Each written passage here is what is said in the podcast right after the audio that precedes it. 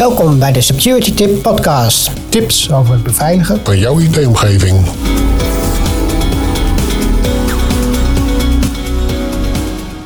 Van harte welkom bij de Security Tip Podcast van Velomind Nederland. In de tijd van fikse toename van cybergevaren is voor organisaties zaak om ICT-systemen nog beter te beschermen. Maar de complexiteit van de oplossingen maakt dat dit nog niet voor iedereen even makkelijk is.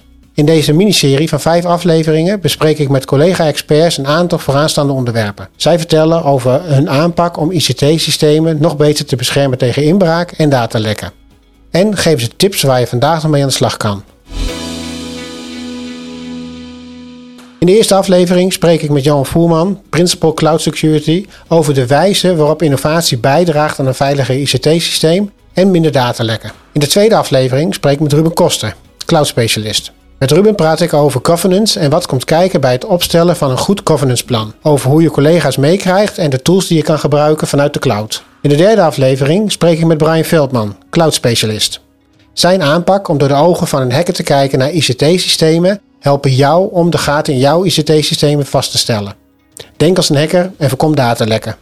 In de alweer vierde aflevering spreek ik met Ruben Wanders, Cloud Security Engineer. Vanuit de Zero Trust gedachte gaan we vanuit dat een hacker al in onze omgeving aanwezig is. Ruben legt uit hoe je in jouw omgeving kan vaststellen dat dat inderdaad al zo is.